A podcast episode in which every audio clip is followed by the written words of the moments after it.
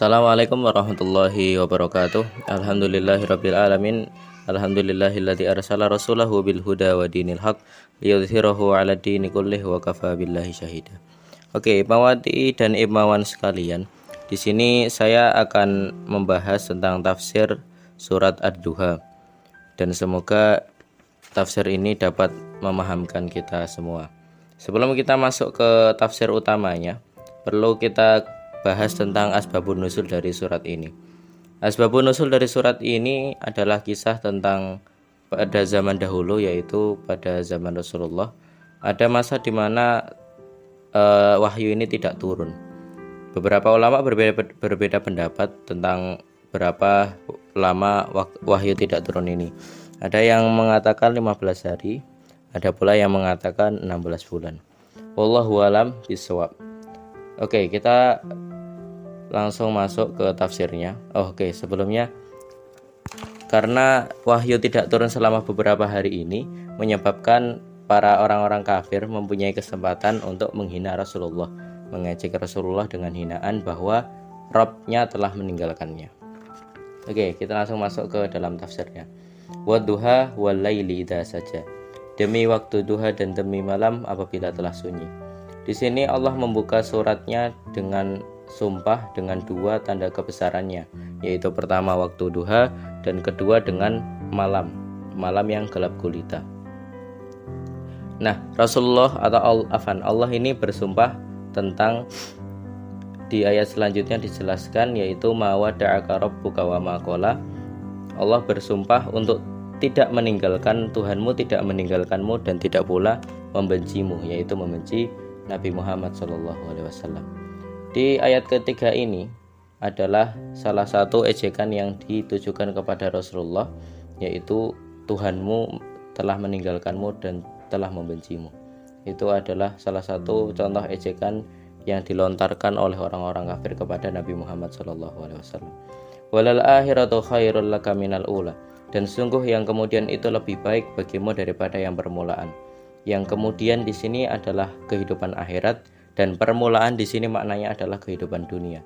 Jadi maknanya bahwa kehidupan akhirat lebih baik daripada kehidupan dunia.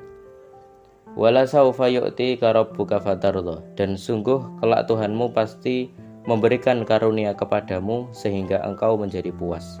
Karunia di sini banyak ulama berbeda pendapat mengenai tafsirnya.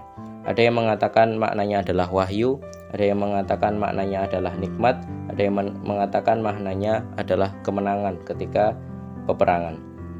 Dan ada pula yang mengatakan bahwa karunia di sini bermakna syafaat yang diberikan oleh Rasulullah kepada umatnya ketika hari kiamat nanti. Wallahu a'lam bishawab. Dan pula ada yang menafsirkan bahwa karunia di sini adalah yang dimaksud adalah dijelaskan di ayat selanjutnya Alam yajid yatimang fa'awa. Bukankah ia mendapatimu dalam keadaan yatim lalu dia melindungimu? Kita ketahui bahwa Rasulullah lahir dalam keadaan yatim. Bapaknya meninggal ketika beliau masih dalam kandungan. Kemudian diasuh oleh ibunya, ibunya meninggal diasuh oleh kakeknya, kakeknya meninggal diasuh oleh pamannya. Makanya di sini Allah mengingatkan kepada Nabi Muhammad bahwa Nabi Muhammad dilahirkan dalam keadaan yatim Lalu Allah mengangkat derajatnya lalu melindungi Nabi Muhammad Shallallahu Alaihi Wasallam. fahada.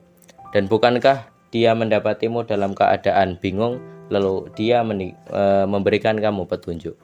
Maksud di sini orang yang bingung adalah tidak tahu tentang keimanan, tidak tahu tentang Al-Qur'an. Di mana Rasulullah lahir di lingkungan yang jahiliyah jadi sudah barang tentu bahwa beliau tidak mengetahui tentang keimanan, beliau tidak mengetahui yang namanya Al-Quran. Lalu Allah berikan petunjuk atau menurunkan wahyu kepada Nabi Muhammad SAW. Wa jadaka ilang fa'agna dan bukankah ia mendapatimu dalam keadaan kekurangan lalu dia mencukupimu atau di sini maknanya adalah kekurangan di sini adalah miskin lalu Allah mencukupkannya. Kita ketahui Rasulullah dilahirkan dalam keadaan miskin di mana bapaknya ketika meninggal hanya meninggalkan beberapa sepeser harta, tidak meninggalkan banyak harta warisan.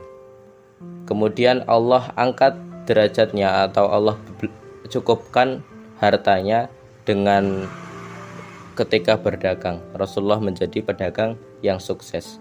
Bahkan beliau sampai dijuluki Al-Amin.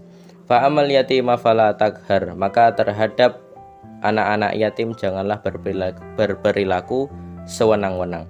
Wa ammasa ila fala tanhar. Dan terhadap orang yang meminta-minta janganlah engkau menghardiknya. Wa amma binikmati rabbika fahadith. Dan terhadap nikmat Tuhanmu maka nyatakanlah dengan bersyukur.